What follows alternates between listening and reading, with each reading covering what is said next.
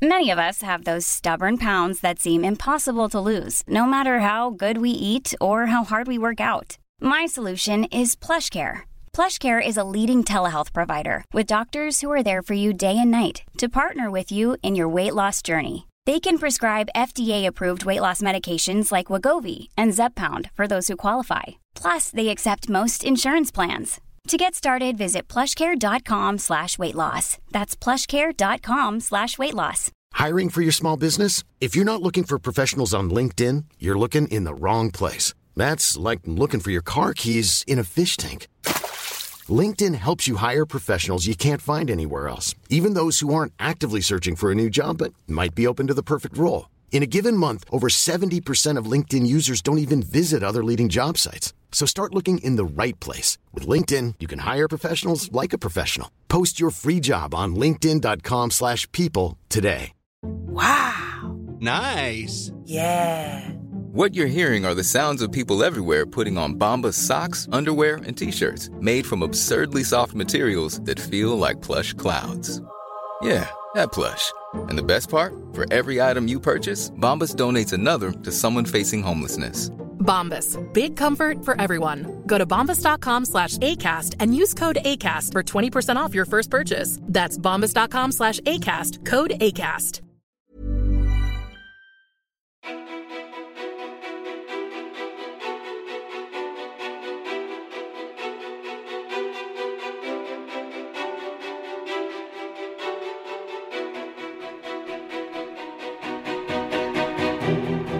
Therese Lindgren är en av våra absolut största influencers och Therese Lindgren-effekten är ingenting man skojar bort. Det som började med sminkvideos på Youtube är idag ett imperium med Therese personliga varumärke i grunden. Hon levererar nytt innehåll till sina 940 000 prenumeranter på Youtube och 934 000 följare på Instagram så gott som dagligen.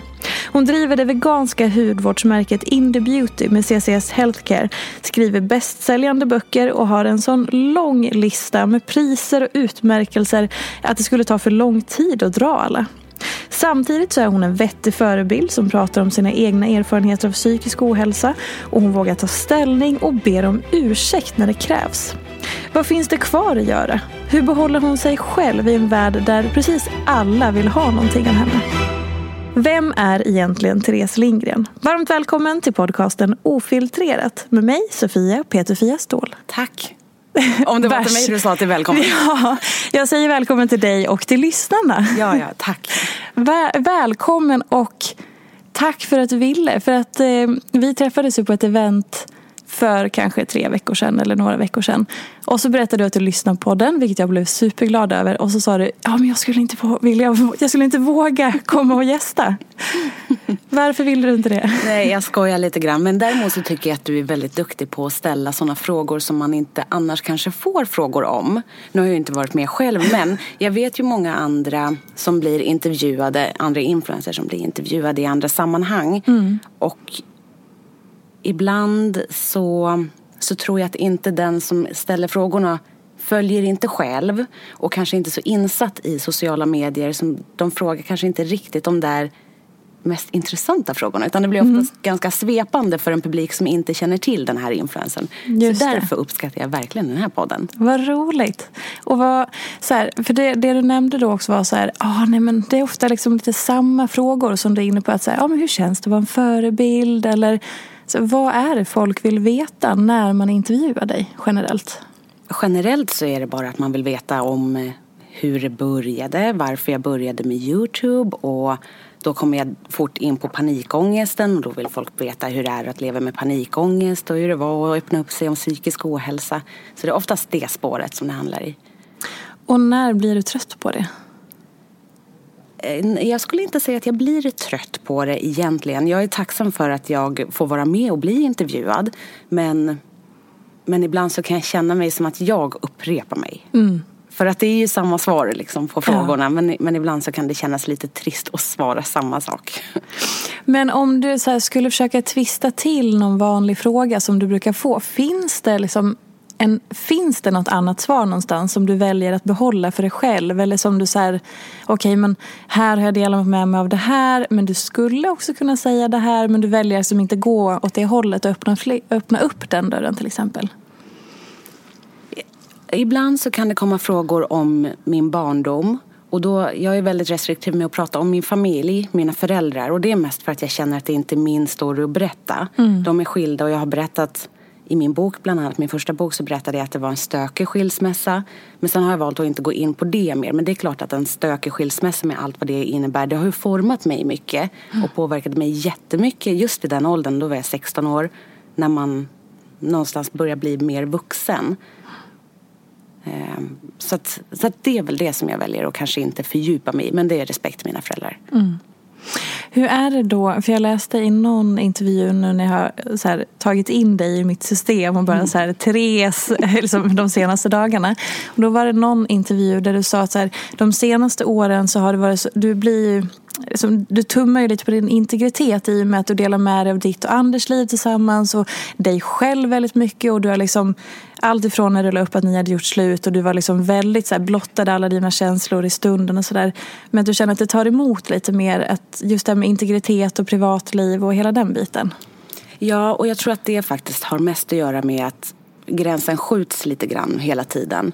Att det som jag delar med mig av idag hade jag nog tvekat inför att dela med mig av för tre år sedan. På vilket sätt då?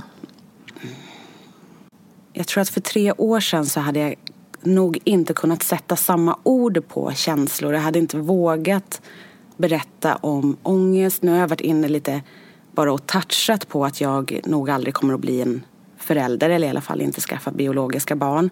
Och det är någonting som, som jag nog inte skulle pratat om tidigare utan så kan jag känna att, att jag själv liksom pushar gränsen hela tiden. Och det kan vara jobbigt för mig själv. Så att jag är ju, liksom, mm. det är mitt eget fel såklart.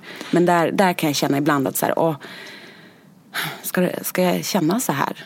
För vem skull gör jag det nu? Mm. Ja, för det var det jag tänkte när du berättade. Gör du det för att så fortsätta vara intressant eller fortsätta liksom, ha någonting att berätta som är nytt? Alltså, känner du den pressen? att vad ska man säga, hålla sig aktuell låter så jävla löjligt i sammanhanget. Men du förstår vad jag menar? Mm, jag förstår precis. Och jag känner att på min Youtube-kanal så gör inte jag riktigt innehåll av mitt privatliv. Utan jag, jag publicerar tre stycken videos per vecka. Och det är egentligen bara en max en av dem som egentligen handlar om mitt liv när jag filmar vad jag gör på en vanlig dag. Annars så testar jag ju mest olika grejer. Idag har jag suttit och målat ett självporträtt och mm. nu på lördag så ska jag filma när jag äter som Bianca Ingrosso en hel dag. Du vet, så jag gör ju inte så himla mycket privat och därför känner jag inte att jag behöver att hitta på grejer eller att det behöver hända någonting i mitt privatliv egentligen. Men ändå så är du där och liksom lyfter på de blocken på ett annat sätt. Mm. Och jag tror att det har att göra med att jag har en nära relation till mina tittare. Det är så jag känner. Mm. Och jag förstår att det kanske låter konstigt att man har en relation till någon man inte har träffat och det är en publik. Men, men mina tittare, de har funnits i mitt liv när jag inte haft någon annan där. När det tog slut mellan mig och Anders eller när precis i början när jag var sjukskriven när jag började, startade min Youtube-kanal. Så jag känner väldigt starkt för mina tittare. Mm. Vad är liksom det häftigaste som du har upplevt med just dina tittare för att försöka beskriva den relationen? Jag kan relatera ganska mycket som att säga, häromdagen så skickade en, en eh, följare på Instagram så bilder på sina barn. För att jag hade lagt ut någonting på mig och min dotter och då skickade hon en bild mm. till mig på sina barn. Och man bara, men gud vi känner inte varandra men det är, så, det är så fint att du ger mig det här förtroendet med den här bilden på dina barn. Alltså jag kan ju relatera men om man inte har liksom om man inte har upplevt det, vilket kanske majoriteten inte har. Hur, vad har du upplevt liksom som är, sitter i ditt hjärta med dina tittare? Det har hänt flera gånger att jag har träffat eh, framförallt tjejer ute på stan som när de ser mig så bara blir de helt förstelnade och sen så gråter de. Mm. Och det är inte själva gråtet i sig utan det är att jag ser någonting i den tjejens ögon som jag ser i mig själv. Jag tror att det liksom speglas på något sätt. Det låter kanske jätteflummigt men Men jag ser, för att hon, oftast så berättar då den här tjejen att hon har gått igenom ångest eller att hon är sjukskriven för depression. Hon klarar inte skolan för att hon inte mår bra. Och att mina videos då har hjälpt henne. Och jag förstår det för att det var precis det som hände mig. Det var ju Youtube som hjälpte mig när jag hade det som jobbigast. Och det betyder mycket för mig att, att så här, cirkeln är på något sätt sluten. Att, att där jag var för fem år sedan, där är någon annan idag. Och idag är det jag som får vara den som hjälper. Mm. Hur, alltså, när du började, då gick ju inte du ut. Nej. Då var du dels väldigt sjuk och sjukskriven och hela den biten. Och sen har man ju som följare fått följa med hur din utveckling från att vad jag förstår bara vara i ditt hem stora delar av tiden till att sakta liksom jobba dig förbi det här och så här, första gången du var med i Malou efter tio har jag för mig att det var. Eh, och att du så här, nu vågar jag ta mig dit eller nu vågar jag ställa upp på det här och nu ska jag liksom kanske träffa er. För det tog lång tid innan mm. du ville göra sådana grejer också. Så alltså den resan som tittarna fått följa med på. Men liksom, vad har hänt i dig under tiden? Hur har du lyckats ta dig ut om man får avsluta med en väldigt banal fråga. Men du förstår, det är ju en enorm resa du har gjort. Ja, för mig känns det som en enorm resa. Ja, det är det.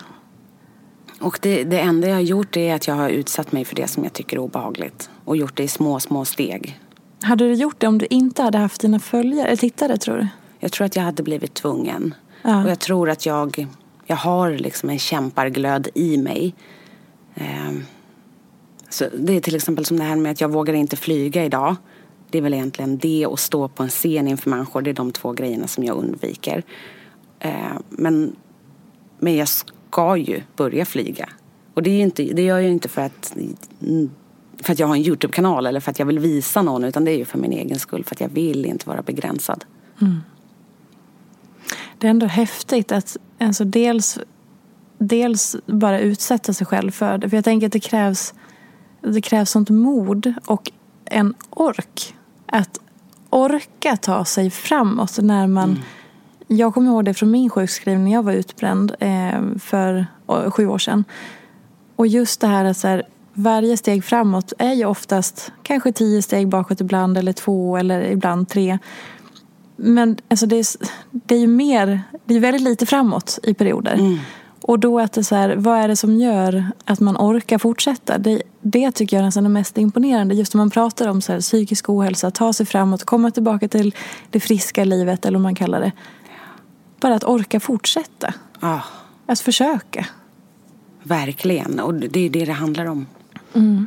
Det finns ingen genväg där för att få ork. Men hur har det varit för dig? Alltså orka fortsätta? Vad, tänk, vad liksom växer dig när jag liksom beskriver det? Det här orka lite till, framåt igen, bakåt igen.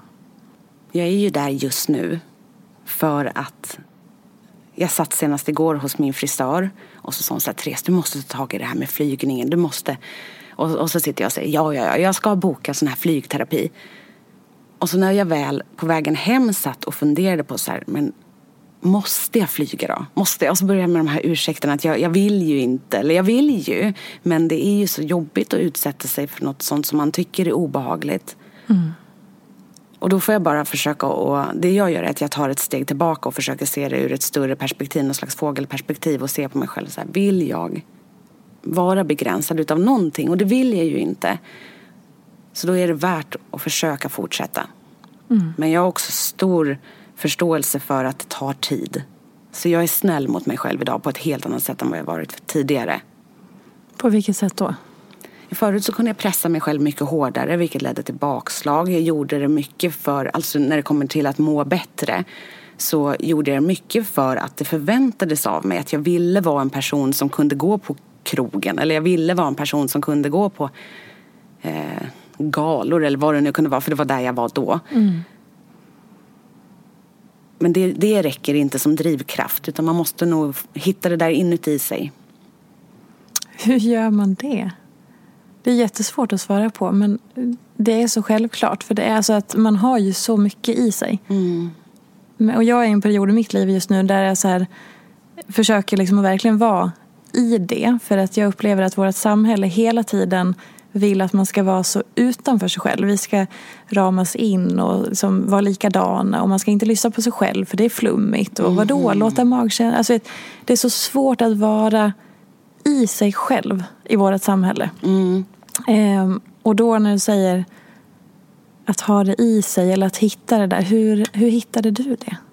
Jag tror jag behövde gå igenom det som jag gjorde, alltså behövde göra saker för andras skull. Mm. Eller för att uppnå någon slags bild av mig själv. Alltså, jag tror jag alltid haft en bild av så här, jag ska vara på det här sättet som nog de flesta har. Och när, när jag har gjort det, när jag har testat det så har jag insett att det, det räcker inte för mig.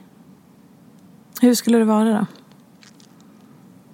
Framgångsrik. Det har, det har varit i perioder olika men, men framgångsrik är väl alltid det som som premieras när man läser i medier eller när man ser lyckade människor så är det alltid framgång. Vad framgång nu är. För vissa är det pengar, för andra är det att se ut på ett visst sätt eller ha det perfekta sociala livet. Och det sociala livet till exempel är ett bra exempel på där jag har tagit ett steg tillbaka. Jag har alltid strävat efter att vara en person som har ett jätterikt socialt liv, som ska ha mycket kompisar, som ska ha ett tjejgäng, som ska vara festens mittpunkt. Och jag har varit den personen också. Men jag gjorde det inte för min skull och det insåg jag efter ett tag för att jag kände mig inte hemma där. Och jag, jag längtar hela tiden hem för att jag, jag har ju kommit fram till att jag är ju en tjej som tycker om att ha få kompisar. Som tycker om att spendera mycket tid med min familj. Jag tycker om djur och tycker mycket om att spendera tid med djur. Och spendera tid med mig själv är väldigt viktigt. Um, och då har jag bara accepterat att det är en sån person jag är. Så jag tror att jag behövde liksom gå igenom det där att testa på olika. Och det, det, är väl det som alla behöver. Man tror kanske att man, man är på väg mot ett håll men sen så när man är där så kanske man inser att det inte var rätt håll. Mm. Har du fått några sådana, apropå om man då knyter ihop eh, det här som du precis sa med just bakslag. Har det varit funnits, för att du är ju extremt framgångsrik idag. Och jag kan tänka mig att det är så lätt att här, dras med och då dras du ännu en gång liksom bort från dig själv eller att du du, förstår du vad jag menar? Alltså, att du har hamnat i att du vacklar eller... Just i karriären tänker du? Nej men ja, fast samtidigt också du som människa i och med att jag tänker att det hör ihop i och med att du är din karriär, ditt personliga mm. varumärke. Inte ännu. Faktiskt. Eh, och jag, jag tackar bara att jag är 32 år för det. Mm. För hade jag varit 22 och gjort samma karriärsresa eller varit en influencer när jag var 22. Herregud, det hade inte varit bra alls för mig.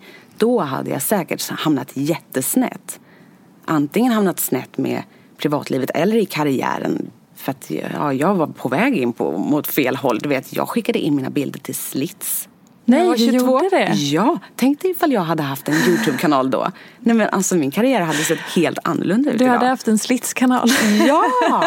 Nej men för jag tänkte jag ska bli glamourmodell. Ja. Och vad var det som lockade med det? Jag tror att jag saknade, saknade självkänsla. Och sökte då bekräftelse på annat håll. Mm. Så om vi bara så blickar upp oss lite grann i det som är vårt samhälle så upplever jag att det är otroligt vanligt just att man om man nu får generalisera, alltså många unga tjejer som just säger och uttrycker att man har en dålig eller svag självkänsla och att många känner igen sig i det. Mm. Enorm fråga, men så här, har du någon teori om varför, så här, hur hamnade vi här? Hur har vi så många tjejer och killar såklart, eh, eller människor som upplever att man man är trasig eller att man har saker inom sig som vacklar och liksom inte är där det ska vara på sin plats. Mm. Dels så tror jag att det handlar om att vi har blivit bättre på att sätta ord på våra känslor. Jag var ju 24 år när jag för första gången hörde ordet panikångest. Mm. Jag var säkert 18 när jag hörde ordet ångest för första gången. Jag visste inte ens att ordet ångest fanns. Det vet de flesta tioåringar idag. Ehm, så att vi har nog blivit bättre på det och kanske vågar sätta ord på känslor på ett annat sätt. För att idag finns det många som pratar om känslor och, och hur man mår. Och det är okej okay att inte alltid må på topp. Eller det är lätt att säga att det är okej okay, men det är svårare faktiskt i verkligheten. Ehm, men så det tror jag är, är en förklaring. Men sen tror jag också att många mår sämre idag. Ehm, och, och jag, jag tror att det har mycket att göra med sociala medier. Eh, för, inte bara för att här, man ser perfekta bilder på Instagram. Jag tror inte att det är så lätt. Utan jag tror snarare att det handlar om att man tar in väldigt mycket mer intryck idag som ung. Och med ung så menar jag alla unga vuxna, mm. under 30, under 35 kanske. Eh, inte bara 15-åringar utan alla vi eh, tar ju in väldigt mycket mer än vad jag gjorde när jag bodde på Villagatan i Nynäshamn. Då hade jag 30 stycken klasskamrater och så träffade jag mina föräldrar och det var inte så himla mycket mer än så. Men alltså idag så, från att ha tagit in vad 30 personer har på sig kan man lätt ta in vad 3000 personer har på sig idag. Mm. Och jag tror att det ställer till det mycket, att man jämför sig. För att jämföra sig gör nog alla och det gjorde jag också när jag var yngre men men det, det måste vara kämpigt att jämföra sig med så många idag. Eller det är ju det, jag vet ju det själv. Men, men att vara yngre än jag måste vara väldigt mycket jobbigare än att vara yngre på 90-talet. Mm. Vad jämför du dig med idag? Alla. På sätt och vis. Alla. alla eh, jag följer på Instagram på sätt och vis. Inte så att jag sitter medvetet och tänker så här, oj hon har längre hår än jag, vad fint. Inte så, utan mer så här, man har ju en bild av andra människor som man träffar och den bilden det, någonstans är, är ju en själv index och så blir alla andra runt omkring det. Eller ifall alla andra är index och så är man själv hela tiden under det. Mm. Så, så på något sätt. Så vad har du för relation till din framgång? Hur, liksom, hur, hur bor den i dig? På vilket sätt uppfattar du hur framgångsrik du är? Jag känner mig väldigt så här. Det känns som att jag är i en relation på ett sätt. Mm. Som inte, där det inte finns villkorslös kärlek. Eh, så den, den, det, det är lite jobbigt ibland. Eh, för att jag tycker så mycket om mitt yrke. Jag har en fin relation. Jag, vet, jag får så fina meddelanden. Jag träffar så fina människor. Men sen så räcker det med att jag, jag, säger någonting fel eller råkar göra ett samarbete med fel företag eller jag gör ett samarbete för mycket och sen, jag, jag är aldrig bättre än min senaste video. Lite så kan jag känna. Och, och just det där med att inte ha villkorslös kärlek, den, den, är svår för att på tidigare arbetsplatser då, då har liksom chefen eller ens kollegor, de har en, en, en annan förståelse på något sätt. Är det liksom för, den här pedestalen som förebild som folk sätter dig på? Apropå att bli så här inkapslad och inramad. Det här, är, det här är Therese, det här är min bild av hennes. Det här, de liksom bestämmer åt dig vad du får göra och inte göra. Eller ja, hur du uttrycker dig.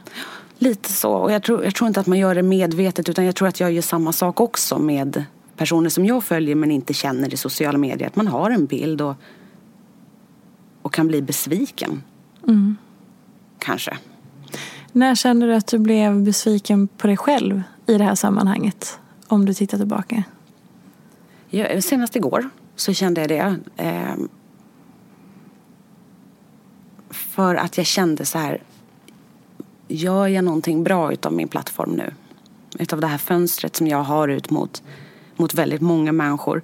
Förvaltar jag det väl? För det var det som jag ville ända från början. Jag ville verkligen göra någonting bra. Och gör jag det just nu? Vad fick du för svar från dig själv? Jag sa det faktiskt rakt ut till min ja, frisör. Ja, du gjorde det till Ja, jag sa till frisören. Ja, till frisör. Ja. och hon sa, men herregud, du har gjort mycket. Du var liksom, gick i bräschen när man började prata om psykisk ohälsa och öppna upp sig. Du var den första influencern som gjorde det. Och du nådde så mycket människor och gör det fortfarande. Du gör insamlingar varje år, du pratar om veganism. Så hon tycker att så här, var inte för hård mot dig själv. Men eh, men det där sitter ju i en. För mig är det viktigt att vara stolt varje dag över vad jag gör. Mm. Eh, eller vem jag är såklart. För att, att vara stolt mot sig själv, jag läste det, att vara stolt mot sig själv i motsatsen till att ha dålig självkänsla. Det, går, det är svårt att ha dålig självkänsla och samtidigt känna att man är stolt över sig själv. Och jag som alltid jobbar på min självkänsla för mig är det extra viktigt att så här, hela tiden vara stolt, göra saker som gör mig stolt. Och igår när jag satt och kollade på min Youtube-kanal så kände jag, är jag stolt nu? Inte riktigt. In, inte, inte så att jag skäms, inte missnöjd att jag är en fruktansvärd influencer, inte så, utan mer så här, jag, jag saknar lite tyngd. Mm.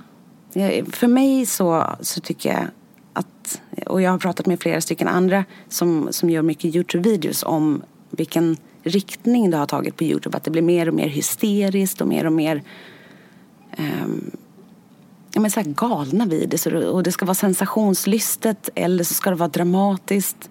Och, och, och då kan jag känna så att jag, jag saknar den tiden när vi pratade om, om sånt som betyder någonting. Mm. Och det måste jag börja göra igen. Är det liksom ett, ett långt steg dit för dig själv? Eh, har saker liksom ändrats från, från det när det var så självklart att öppna upp och berätta så här nu är jag mitt i en ångestattack eller nu, eh, ja men när, när du och Anders hade gjort det. Alltså, då kanske det kom naturligt. Är det lika naturligt nu eller är det en annan, en annan känsla, en längre, större distans eller en större uppoffring att liksom börja närma dig det igen för att du har en mycket större publik eller klimatet har ändrats och sådär? Mm. Eh, dels så känner jag att jag har inte riktigt den typen av ångest som jag hade tidigare så att jag har inte så mycket eh, att prata om när det kommer till sånt. Men däremot så funderar jag på ifall jag skulle kunna hjälpa andra på något annat sätt. Eh, och involvera mig i någon slags välgörenhet på något sätt och, och lyfta sådana frågor. Men det här du sa om att så här, eh, för du sa någon mening alldeles nyss om att ja, men, eh, var stolt över det jag gör och vem jag är. La du till sen efter. Är det svårt för dig att vara stolt över dig som person bara? Om man tar bort allt du gör? Nej, jag är faktiskt ganska snäll mot mig själv och tycker att jag gör det bästa jag kan. Hela tiden? Ja, faktiskt hela tiden. Jag gör det bästa jag kan och, och, och kämpar på. Ehm, och sen är mina prioriteringar är annorlunda idag jämfört med hur de var för fem år sedan. Idag prioriterar jag verkligen Anders och mina hundar. Mm. Ehm, så att då blir mitt yrke lite lidande men det är det liksom värt. Men jag tänker när man liksom har kommit så pass långt och gjort samma sak väldigt, väldigt länge. Känner du att det finns ett slut?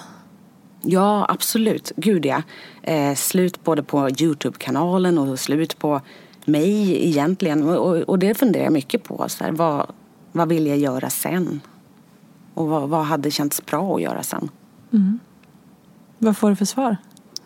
När du tänker så? Att det viktigaste är att göra någonting där jag känner mig stolt över mig själv. Mm. Är inte det ganska svårt att hitta? Så här, det, det, det är lätt i, i tanken och så här, det är fint. Men i praktiken?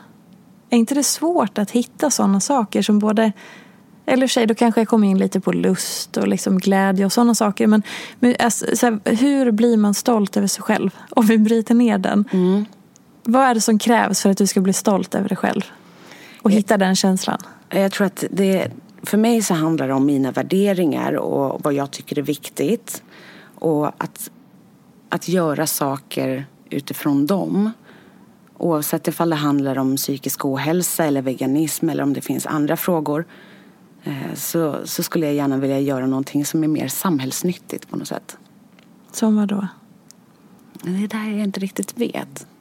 Jag önskar att jag kunde skriva bättre så att jag kunde skriva, bara, du vet, trycka ut krönikor varje vecka och, och skriva eller om jag kunde jag vet inte, skriva låtar som hade bra budskap. Men jag kan inte. Så jag, jag ja, jag vet inte.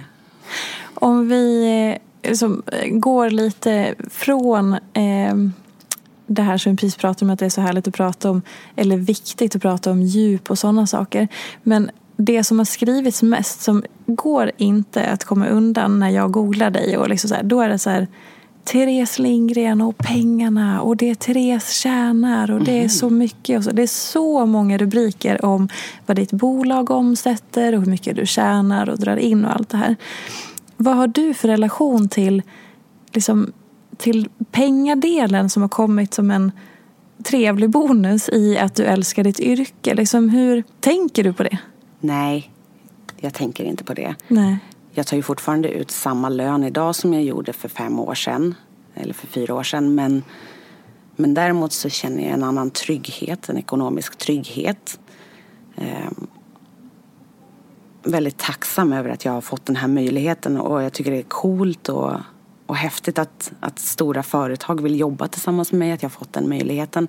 Så det är superhäftigt och det, det är också så skönt för jag har nolltaxerat och jag har inte vuxit upp i en rik familj. Jag har inte haft det dåligt ekonomiskt ställt men, men jag, har inte, jag har inte tänkt på det, alltså att jag har tjänat mycket pengar mer än att det ger mig trygghet på ett annat sätt. Märker du att, att människor liksom jag vet inte, påverkar det hur folk bemöter dig då? Alltså, nu tänker jag inte bara pengar utan framgångsrik och liksom att du är influensen Therese Lindgren. Och så här, hur, hur blir du bemött från människor?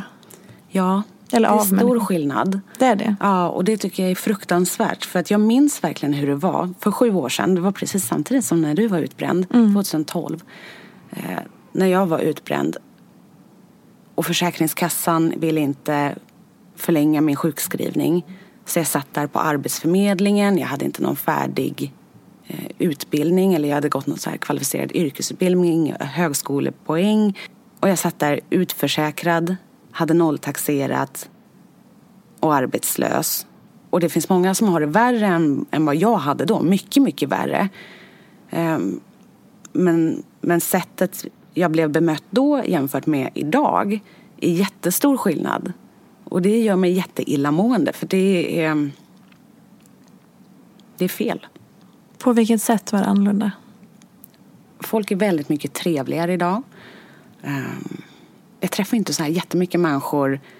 I privata sammanhang så träffar jag väldigt sällan nya människor. Men, men jag vet till exempel när jag jobbade som säljare och sålde till mediebyråerna och jag kom dit som, som säljare jämfört med när jag kommer nu till en mediebyrå. Då blir det ganska tydligt, för det är samma människor jag träffar på samma kontor. Ah. Och då för, för åtta år sedan när jag jobbade som säljare så, så gled de in för sent. De kunde avboka när man stod i hissen på vägen upp. Och det bjöds inte på något fruktfat som det gör nu. Du vet. Alltså, så där så kan jag känna så jävla falskt äckligt. Ja. Det är... Ja, det är...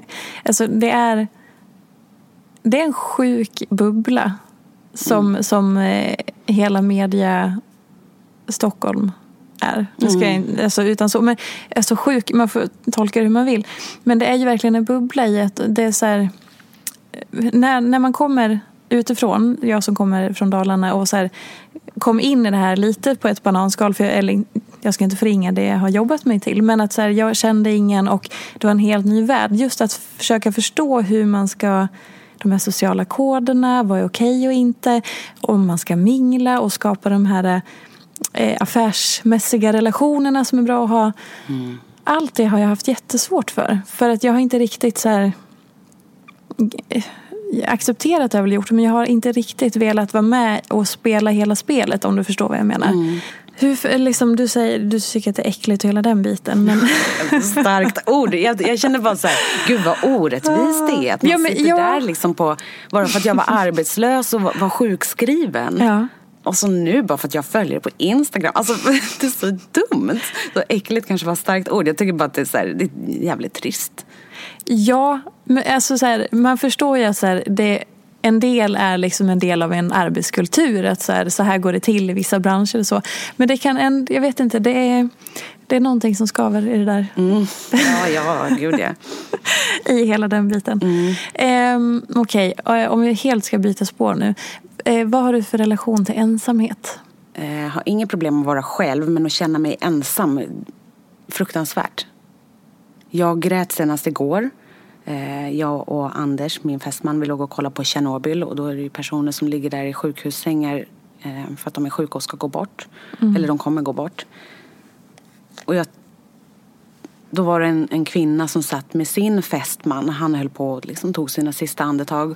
Och då började jag tänka att det var jag och Anders. Åh, oh, gud vad hemskt. Ja, och det där tänker jag jättemycket på. Eh, att bli lämnad ensam. Jag tror också jag blev, eftersom att jag har blivit lämnad utav Anders tidigare för fem år sedan, eller fyra år sedan när vi gjorde slut.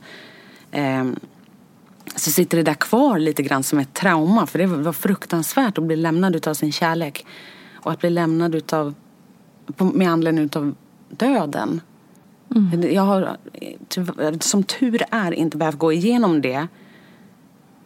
Med familjemedlemmar som har gått bort, nära familjemedlemmar eller, eller nära vänner, varit jätteförskonad hittills. Men, men det, det skrämmer mig jättemycket. Så just den typen av ensamhet är jag livrädd för. Mm. Men har inget problem att vara själv liksom så. Om man ska sära på de begreppen. Kan du känna liksom att ditt, ditt liv så som det har format sig just med ditt yrke och allting, att, att det har gjort att du som har blivit ensammare för att du kanske inte kan röra dig fritt eller att du blir begränsad eller så? Nej, det känner jag inte. Jag, jag känner inte att jag... Eh, för jag kan verkligen röra mig fritt. Det, det, är inte så många som Men folk har kommit, kommit hem till dig och liksom varit utanför din dörr och håller på ja, med sådana saker? det var en viss period när jag bodde väldigt nära en skola. Mm. Men eh, idag så är det nästan aldrig. Nej, okej. Okay. Ja, vad bra. För det, det måste vara ganska traumatiskt att man har människor utanför sin dörr som man inte vet ja. någonting om. Ja, obehagligt. I, inte alltid obehagligt, men det, det, var några gånger som det var obehagligt. På vilket sätt? Eh, ja, men för det var under en period där det, nu kommer jag inte ihåg om det var 2016 kanske, så var jag med både om att någon la kött i min brevlåda. Ja, för att jag är vegan och någon la in en pälsbit och, och så var det nog ungdomar som satt utanför mig. De ville att jag skulle öppna dörren. Men så, så vågade inte jag öppna dörren för det var kanske fyra, fem personer där och, mm. och jag visste inte om de drar upp min dörr och springer in så kan inte jag stoppa dem för det är bara jag. Så då öppnade jag inte dörren. Och så satt de och åt McDonalds-mat där i min trappuppgång utanför i flera timmar. Och då var det liksom obehagligt. Shit. Jag tänkte, vad gör jag nu? Jag kan inte ringa till polisen. Ja, ah, det sitter några 14-åringar och äter hamburgare utanför. Det kanske jag skulle ha gjort, men det, ja. det kändes bara inte rimligt. Eh, det låter rimligt i resonemanget i och för sig. Eh, precis i början så sa du att eh, du har det här med att pusha sina gränser med vad, vad du vill berätta och dela med dig av och så hela tiden. Att det förskjuts och så att du har börjat prata lite om det här med barnfrågan och så. Och det var också en grej som dök upp när jag då liksom försökte att söka internet. Så. Och det var så här, just också i och med att du är 32, du och Anders är förlovade för andra gången. Mm. Och att det är så extremt mycket då, ska ni gifta er? Ska ni skaffa barn? Som tycker... Nu fick jag många frågor på en gång. Men just här, den här samhällsnormen att så här, nu ska ju ni vilja ta de här stegen och sådär. Hur är det att som bli bemött med allt det där och få i någon intervju, som du i och för sig får nu också, men så här, ja men ska ni inte skaffa barn snart? Ska ni inte gifta er snart? Det ska ni väl? Ni har ju... Och så känner folk till er historia och hela den här biten. Jag förstår varför man frågar. Jag förstår att man är nyfiken. Eh, så att jag tar inte illa upp. Jag förstår både i intervjuer att man, journalister behöver ett scoop. Liksom. Alltså, det är deras jobb. Jag har förståelse för det. Och jag förstår verkligen att mina följare, de som har följt mig länge, de, de ser ju fram emot att jag någon gång ska gifta mig eller om jag någon gång skulle skaffa barn. Så att jag förstår frågan. Eh, men jag har bara inte något svar själv. Nej. Så därför så pratar jag inte om det riktigt. Du sa att du hade börjat prata lite om det här med biologiska barn. Eller att du har börjat ja, just det. Jag nämnde ja. i en video att, eh, att jag nog inte kommer att skaffa biologiska barn. Mm. Och att jag bara om, bad att inte behöva prata mer om det. Vad fick du för liksom, respons på, på det? Just den videon så har jag inte läst kommentarerna överhuvudtaget för att jag liksom skonar mig själv lite från det. Mm. Så jag vet inte. Känns, hur känns det att ha den, liksom ha sagt det och sen inte veta riktigt responsen eller så? Eller hur det liksom har tagits emot eller så? Kan du bara lämna det? Eller går du och tänker så här, oj, undrar, var det där så bra? Eller har jag lämnat ut mig? Eller hur, hur känner du för att ha sagt det och sen inte veta? Jag läser ju mina Instagram DMs mm. och där fick jag den veckan när jag la ut den videon så fick jag väldigt mycket meddelanden från andra som är i samma sits. Så jag vet inte hur kommentarsfältet ser ut men jag vet bara vad jag fick i mina DM. Så där var det inte en enda negativ kommentar eller något negativt meddelande. Och även om det hade funnits det så kände jag att efter att ha läst de här andra kvinnornas meddelanden som är i samma situation och som aldrig har talat om någon annan som har sån förlossnings och graviditetsrädsla att man till och med överväger att avstå barn. Mm. Att de slapp känna sig ensamma i det och att jag också slipper känna mig ensam i det då var det liksom värt det. Även om vi bara är en handfull personer så är det värt det trots att det kanske finns negativ kritik där också.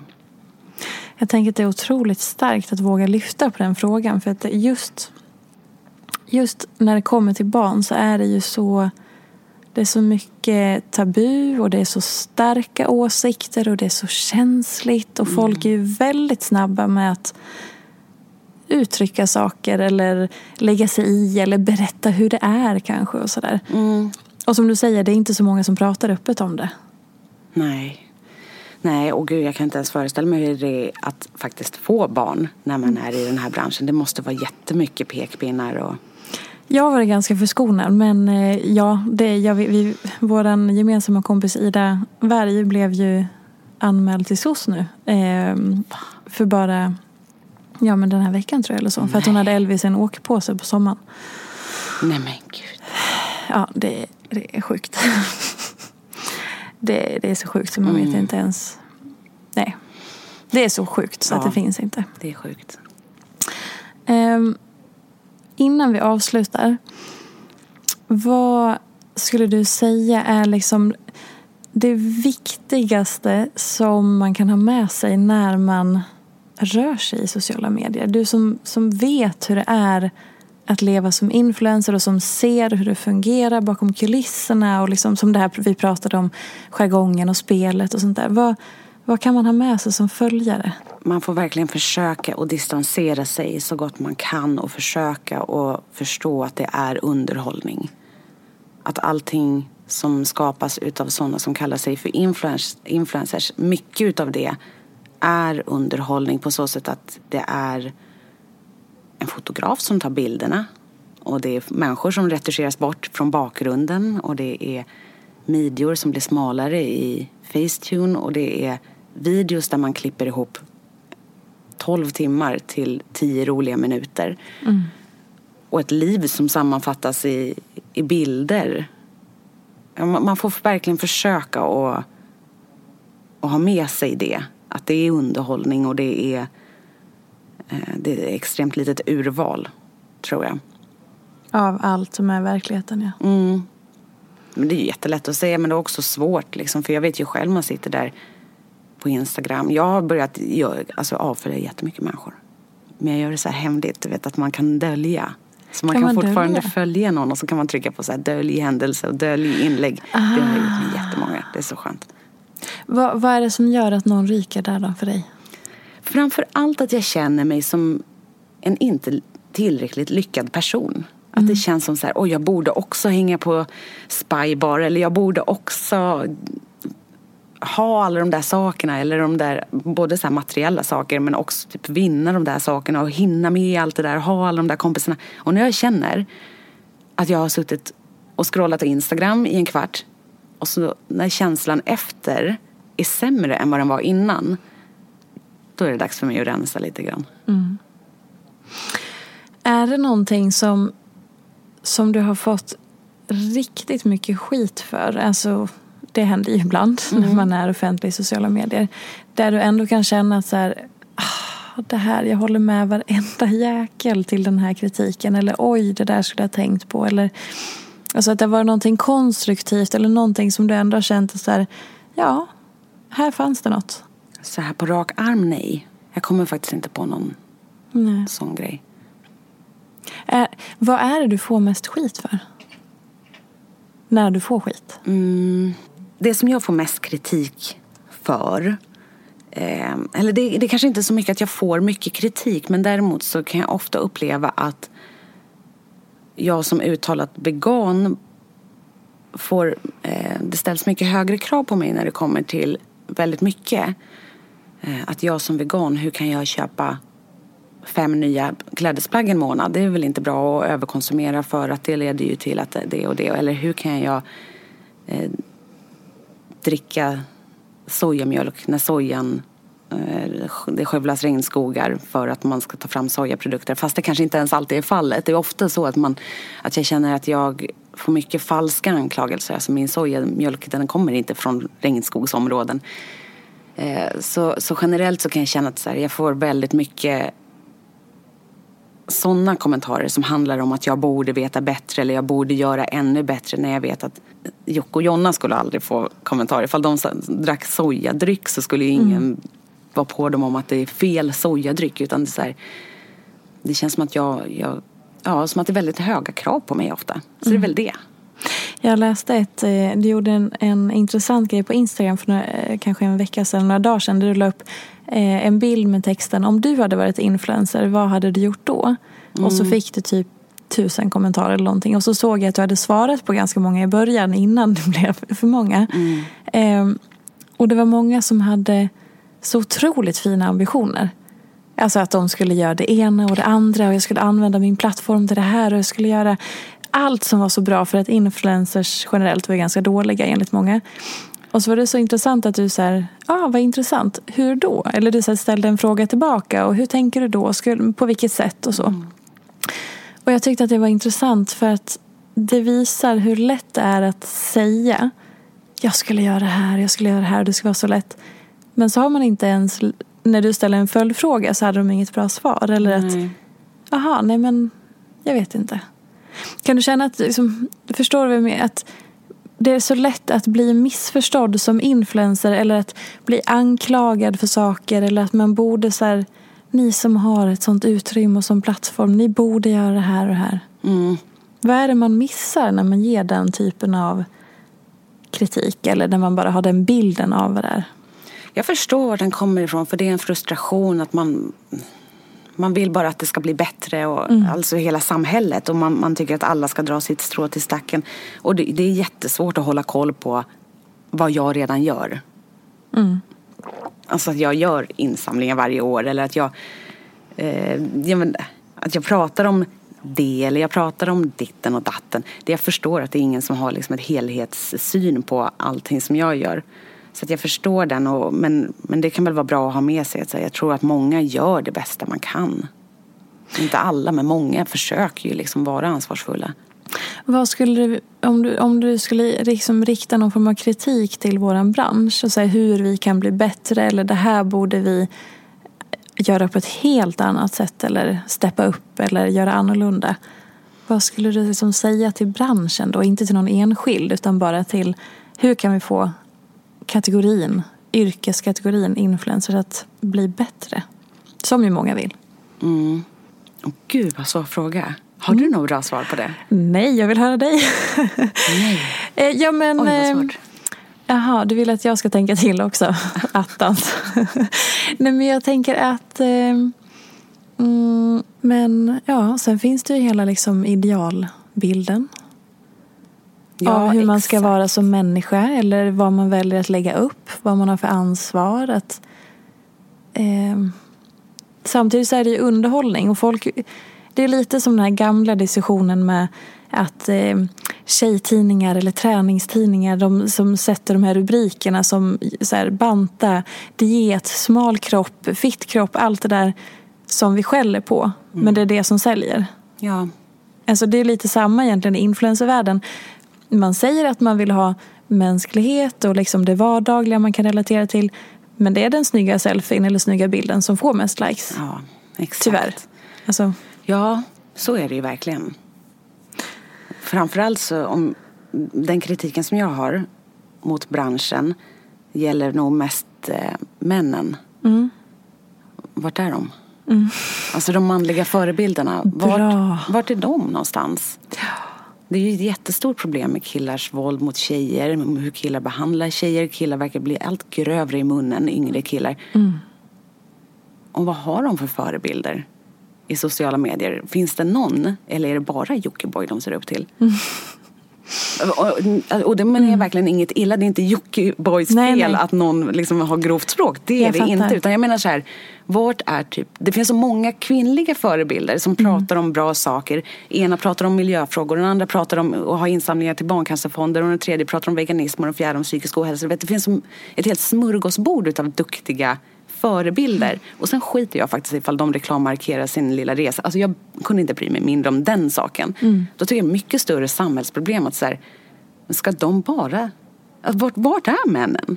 Ja, vad Och ska de bara ha liksom musikvideos med så här tjejer som dansar halvnakna med stora rumpor? Alltså är det det? Eh, Du vet, vi kommer aldrig få ordning på det här samhället. Bara så här under metoo, hur många svenska män klev fram i den rörelsen? Och visst, det är ju inte männens eh, rörelse. Eller liksom, det, det var ju inte de som skulle stå i fokus där. Men det hade varit trevligt om man hade sett någonting från några. Ja, ja, ja, gud. Men det gjorde vi ju nästan inte. Nej. Och generellt bara i liksom i livet på sociala medier. Exakt, Ja. vad fan är männen? Ja. Dagens känga. Ja, bra till. Therese! Gud Dagens vad glad jag blir här. ros. Nej men faktiskt. De måste ju steppa upp lite grann och, och så här börja prata. Ja, för det är ju framförallt det att de finns ju där men de Ja. tar inte ställning, de uttrycker ingenting, de har inga åsikter. Och som du sa, kvinnofrågorna eller så här, mäns våld mot kvinnor eller hur man som man, allt det här. Mm. Jävla bra att du tog upp det. ja men verkligen. Tack, det är otroligt bra. Vad fan är de någonstans? Ja. Nej, det är faktiskt helt sjukt. Men du, eh, så här, om man ska få dig att här, tycka att en intervju fortfarande är intressant eller så här, oväntad eller så här, det händer någonting nytt så. Vad skulle du vilja hända i liksom själva intervjun eller samtalet? För jag kan, du, alltså, att bli intervjuad om sig själv år ut och år in. Men Som- det måste vara jättesvårt att intervjua också. Herregud. Jag Ja. kan inte föreställa mig någonting svårare. Eller det, det, det kan jag. Men det måste vara jättesvårt. Att komma Ja. på frågor alltså, som inte har ställts hundra gånger tidigare. Eller vad Ja men framförallt med dig i och med att dels har du berättat väldigt mycket själv. Mm. Dels så, eh, så finns det väldigt mycket. Du har gjort väldigt mycket intervjuer. Du har aktivt valt att liksom, ja, men du pratar om psykisk ohälsa. Du har skrivit en hel bok om hur det var. Eh, dina liksom, det är nyhetsgrejer. Det du, det du själv väljer. Det är det andra säger.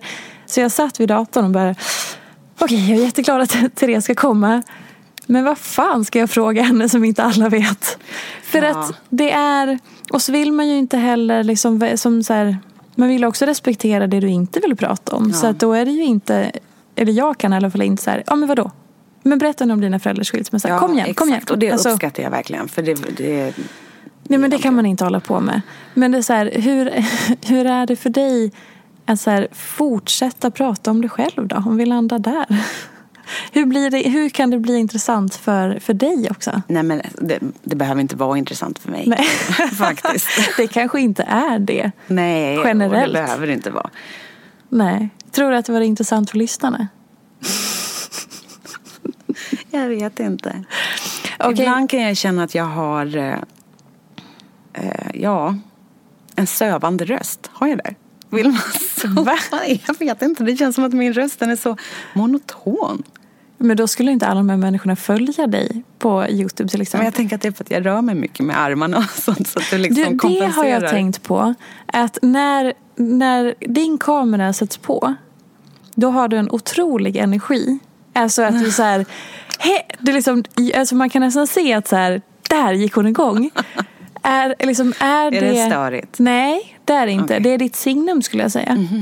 Men är det liksom Taggar du igång dig själv? Eller blir det bara så när du trycker? Alltså för du förstår vad jag menar? Att du Mm. så här, tada, nu kör vi, nu åker vi. Ja, jag tror också det har att göra med så här hur jag klipper och, Ja. eller du menar jag tar sats just när jag säger hej god morgon, Ja tjena. men typ, alltså det är speciellt signum Ja. att det är liksom din grej. Att du så här, ser så otroligt glad ut, har så mycket energi och så bara, hej nu. Ja, jag tror jag är bara genuint glad liksom Ja. för att jag får jobba.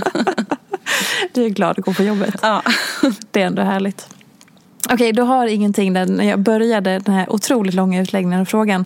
Att det så här, ska vara trevligt för dig också. Vi landade i att det behövde inte vara det. Nej. Okej, så här då. Men Kan- det har det varit. Okej, tack. Men så här. Kan du bjuda på någonting som vi inte redan vet? För det var det som var min största farhåga med det här. Hur ska, vad ska jag fråga som gör att man inte redan har hört allt? Och det är alltså ingen kritik i att du är urvattnad. Utan det är ju bara för att du är så medial och har ditt forum där du kan berätta vad du vill. Alltså någonting om mig personligen eller någonting jag har i Ingen aning. pipen eller vad, vad vill du veta liksom? Okej, nu är, nu är jag riktigt modig här. Vad omsatte ditt bolag förra året? För det är väl inte offentliga uppgifter än? 2018? Ja. Nej, men jag vet inte ens själv i huvudet. Alltså jag vet faktiskt Men inte. är det en ökning från... Nej, det är inte en ökning. Är det det året likvärdigt? 2017 17. som finns ute nu, då fick jag fakturera för båda mina böcker. Jag hade bo- fått fakturera, liksom, under det året fick jag fakturera för hela Ibland mår jag inte så bra-boken och så fick jag börja fakturera för min andra bok, Vem bryr sig? Mm. Så att jag kommer nog aldrig omsätta så mycket igen. För det var 19,5 miljon. Mm. Och 13 i vinst va? Ungefär. Oj, det vet jag inte. Jo men typ. Ja, Men så här då, om vi ska avsluta i affärsbiten. Eh, ja. För du är, ja exakt, det var det jag tänkte säga så här. Du är ju en säljare i ryggraden, eller hur? Älskar du sälj? ja. Och vad säljer du fortfarande i dina samarbeten? ja. Allt? Men nej, inte allt. Utan jag också eh, tillhör olika nätverk som säljer. Men jag säljer en del själv också. Och hur ser liksom processen ut ungefär? Säljprocessen. Och Mm. Det jag som fick dig att gnugga Ja. dina händer här. Nej, gud. Jag har ju faktiskt eh, just nu verkligen turen att jag inte behöver pitcha så mycket utan jag blir kontaktad utav de flesta företagen.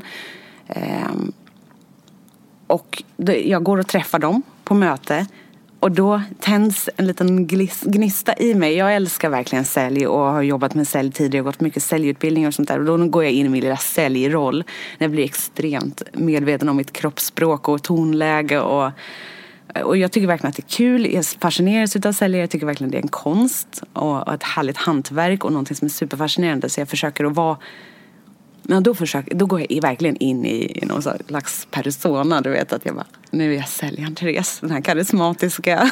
Men vet du, det är alltså bara jag sa ordet sälj, du gnuggade dina händer. Nu strålar du, dina ögon lyser och du liksom Ja. rör på dig när du pratar. Det bara hände någonting bara jag sa ordet sälj. Ja men för det, jag tycker verkligen det är kul. Ja. Mm, och så jag, jag tycker mycket om att gå på möten och sälja. Men vad är det som händer när, när säljpersonen Therese kliver in i rummet? Mm. Vad händer då?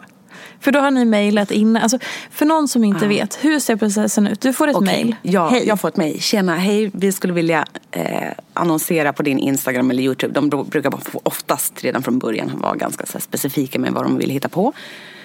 Eh, och då brukar jag Ibland föreslår jag ett möte direkt ifall det är ett större företag. Är det ett litet mindre företag så är jag lite orolig att det kanske inte finns budget. Och då eh, alltså, frågar jag lite snällt så här, absolut, vad har vi för budget röra oss ungefär med? Ja, men sen så går jag på det här mötet och då på mötet så brukar vi oftast eh, diskutera ersättning, vad det kostar att annonsera i mina kanaler och vad företaget skulle vilja göra och vad budskapet är med deras kampanj och, och allt sånt där. Och sen så bara bokas det på. Eller så bokas det inte för att jag var för dyr. Ja. För det är ofta det som är problemet, att du är för dyr. Ja. Eller Och- oftast, oftast. Ibland är det. Ja. Men och då, eh, så här, för att ha någon uppfattning, så här, om någon säger att så här, ja men eh, vi har en lite mindre budget, så här, vad går din smärtgräns för vad du då så väljer att tacka nej för att det är för, för lite budget till exempel? Mm, ja, jag skulle ha... s- Jag, det jag brukar göra är att jag eh, eh, tackar nej till... Ja, alltså, så här. Anledningen till varför det är svårt att svara på den frågan det är för att det finns... Det finns... Det finns ju såklart en minsta budget men det är också vad de är vad, vad vill de hitta på? Är det bara en liten Instagram-story där jag ska säga så här svep upp? Alltså, kan jag väl göra men, men jag gör inte så himla mycket sådana här småplutt samarbeten. Och det är mest för att jag själv så just nu har den här lyxen att jag kan tacka nej till samarbeten. Eh, Så att jag, jag brukar tacka nej till de som bara är enstaka nedslag. Så, så brukar jag säga så här, men jag föredrar att jobba mer långsiktigt. eh, Så vi kanske kan kolla på det istället. Ja. Vad, eh, utan att nämna några detaljer, men så vad är den enskilt eh, största dealen du har liksom fått där det varit en affär som har varit värd jättemycket? Alltså hur, hur mycket har en affär varit värd? Tänker du då bara på samarbeten med företag eller tänker du? Allt, Jag tänker så här, Nej. boken, min bokdeal är ju en affär. Jag gjorde en serie på Dplay, det var en affär. Jag gör Just det. Indie Beauty, är det en affär? Välj Min du. kollektion för Naked. Välj du. Ja, för i så fall så är min... Menar, hur, hur ska jag välja? Ska jag säga en summa? Ska jag säga? Nej, men kan du säga något? För att jag tycker så här, svenskar pratar ju så lite om pengar och just folk verkar vara så, så Också för att man inte vet så här, vad tjänar influencers? Vad, men gud, kan hon ta så mycket från Instagram? Så här, det, det finns en så stor nyfikenhet men också så finns det så lite information om vad kan en Instagram kosta eller vad, då, vad, vad får man för en kollektion och sådär. Jag tänker bara så här, ge någon form av, dels så här, din, din skrytaffär som är så här, det här var liksom en riktigt bra deal utan att säga vad det var. Men själva summan, att säga, jag skrev på ett papper som var värt, då var dealen på så här mycket. Bara för att det är lite coolt. Eh, och sen så kanske mer så här, vad kan man ta för ett Instagram när man har din publik? Bara för att folk har så många sådana här frågor men det pratas så lite om det. Det pappret som jag skrivit på, alltså där bara så här, jag skrev en signatur och då var det liksom säkrat pengar. Då var det två miljoner. Mäktigt. Ja, det var mäktigt men det var också så, det var jättemycket jobb. Såklart. Det var ju knappt värt det. Alltså, jag skulle nog ha tagit mer egentligen. Så det var inte så att de bara kom in liksom på kontot direkt. Utan Nej. ja, då började en lång resa utav jobb. Ja. Men, eh, men det var jättecoolt. Och sen eh, hur mycket man kan ta för en Instagram-inlägg. Du, jag vet inte. Hur mycket kan man ta? Ingen aning. Jag tror att, sa inte Bianca Ingrosso att hon tog 200 000 för ett inlägg? Är det så? Eh, Jag vet inte, jag tyckte hon sa det på Men Framgångspodden. tar inte du lika mycket då i och med att du är nej, nej. lika stor? Nej. Så du är billigare än Bianca? Ja. Okej. Mycket billigare. Nej, vad hemskt det kändes. nu får du höja upp dig. Ja, verkligen. Men okej, gud. det, det mest välbetalda samarbetet då i pengar, inte vilken det var för det kan ju vara hemligt, men liksom i... Ja men då brukar det ju vara så här att det är flera nedslag. Så då Mm. kanske ett företag har köpt så här med fyra stycken Youtube-videos och så har de köpt 15 stycken Instagram-inlägg. Och då blir det ju så här en och en halv miljon kronor. Mm. Och då säljer du det rakt av själv. Ja, ibland. Det, är inte det häftigt ändå? Jo. Eller är det jobbigt att sälja sig själv? Nej. Alltså att det blir svårt att skilja på liksom... eh, Jag tänker att det är lätt att argumentera för en produkt, men när du är produkten. Ja, men det, för mig, jag tror att jag har mycket att tacka för att jag har jobbat som säljare tidigare. Att jag kan liksom distansera mig och prata mer om så impressions och CTR och inte så mycket om så här Therese Lindgren, vem är jag? Och ni, ni är klart ni ska annonsera hos mig. Inte så, utan mer så här, jag har mycket bred räckvidd. Bra varumärke, tryggt. Här är det bra. Ja. Men det kanske är det. Du har inte funderat på att sälja andra?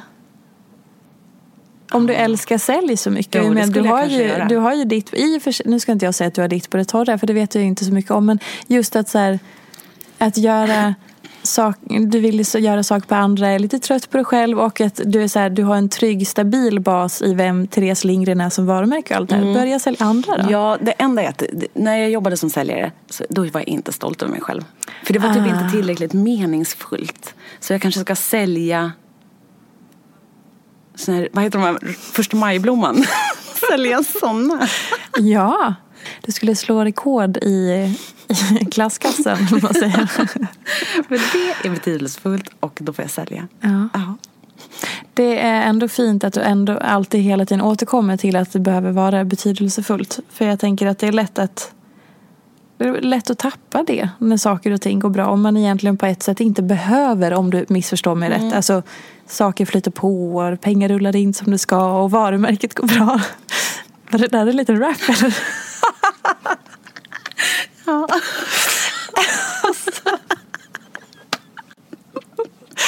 Oh my god. Du fattar alltså. Jag fick feeling. Kan inte du rappa lite också? Pengar rullar in som det ska. Åh gud. Ja, jag vet inte hur jag ska fortsätta efter det här. Nej men du förstår vad jag menar. Det är så lätt att så här. Åh herregud. Man behöver då plötsligt inte bry sig om det där som är bra och som gör en stolt för att det går bra ändå. Ja, ja. Ja, men eh, jag tror att jag upptäckte ganska snabbt så här, när det började gå bra att eh, det räcker inte. Nej. Och liksom tillfredsställa mig. Att ha pengar på kontot, det räcker inte. Jag är inte glad för det.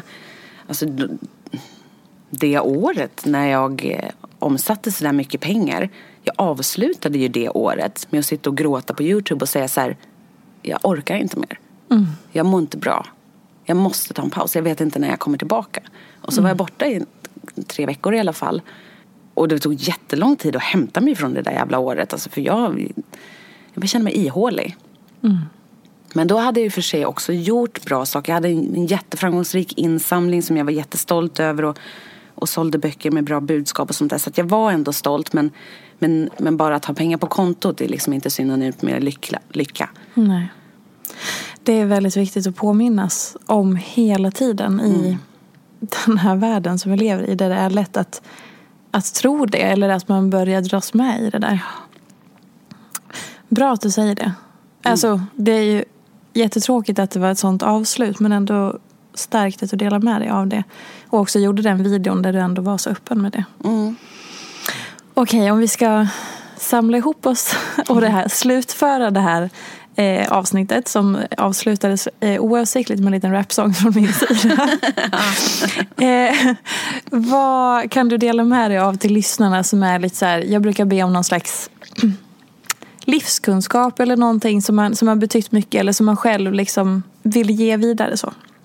Det som jag önskar att jag, att någon hade sagt till mig tidigare, jag vet inte om det här är det du letar efter, men jag önskar att jag tidigare hade uppsökt professionell vård när jag började må lite sämre. När jag började känna de här känslorna av att jag inte dög som jag var eller att jag, jag började känna ett tryck över brösten, så skam och, och skuld över mig själv och jag började bete mig som en annan person. Det här var alltså för sju, åtta år sedan innan jag blev utbränd. Och när jag började få problem med magen och jag började dricka alkohol på ett sätt som jag visste så här, nu, dricker inte, nu öppnar inte jag en flaska vin för att jag ska ha det trevligt för jag sitter själv. Mm. Jag sitter själv inomhus och röker och ska dricka en flaska vin precis som jag gjorde igår.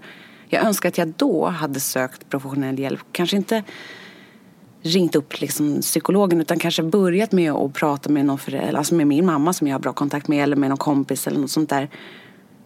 För att hade, hade jag fått prata med någon då hade jag kanske aldrig behövt utveckla panikångesten och gå igenom de åren utav isolering och, och det som har varit effekterna utav ångesten, alltså att jag inte kan flyga idag. Och det, det är ju ett lyxproblem i sig kan jag tycka. Men, men jag går miste om mycket.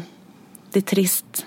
Det är trist att vara begränsad så att jag önskar att jag eh, hade fått hjälp tidigare eller att jag hade uppsökt hjälp tidigare.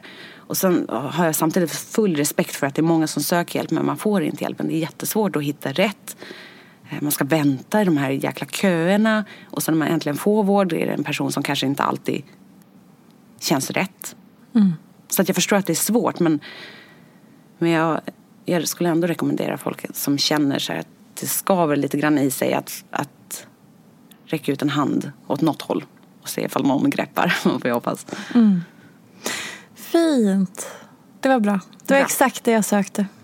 Okay. Tack så jättemycket för att du ville vara med i podden. Trots att du sa att du först inte vågade eller ville. Tack för att jag fick vara med. Det var fantastiskt. Och eh, följ såklart Therese i allt hon gör. Ja, gärna. Ja. Välkomna. Puss och kram. Tack för idag. Hej då. Följ mig gärna i sociala medier. Jag heter Peterfia på Instagram och bloggar på peterfia.se kontakt med mig så gör du det på info.peterfia.se. Jag vill rikta ett stort tack till Acast för studio och stöttning och ett stort, stort tack till geniet Elin Sjödén som klipper den här podcasten.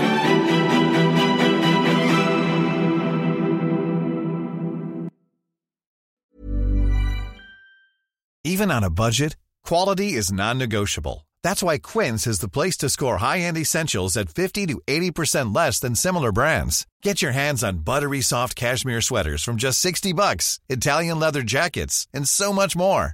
And the best part about Quince, they exclusively partner with factories committed to safe, ethical, and responsible manufacturing. Elevate your style without the elevated price tag with Quince. Go to quince.com slash upgrade for free shipping and 365-day returns. A lot can happen in the next three years. Like a chatbot may be your new best friend. But what won't change? Needing health insurance. United Healthcare Tri-Term Medical Plans are available for these changing times Underwritten by Golden Rule Insurance Company, they offer budget-friendly, flexible coverage for people who are in between jobs or missed open enrollment. The plans last nearly three years in some states, with access to a nationwide network of doctors and hospitals. So for whatever tomorrow brings, United Healthcare Tri-Term Medical Plans may be for you. Learn more at uh1.com.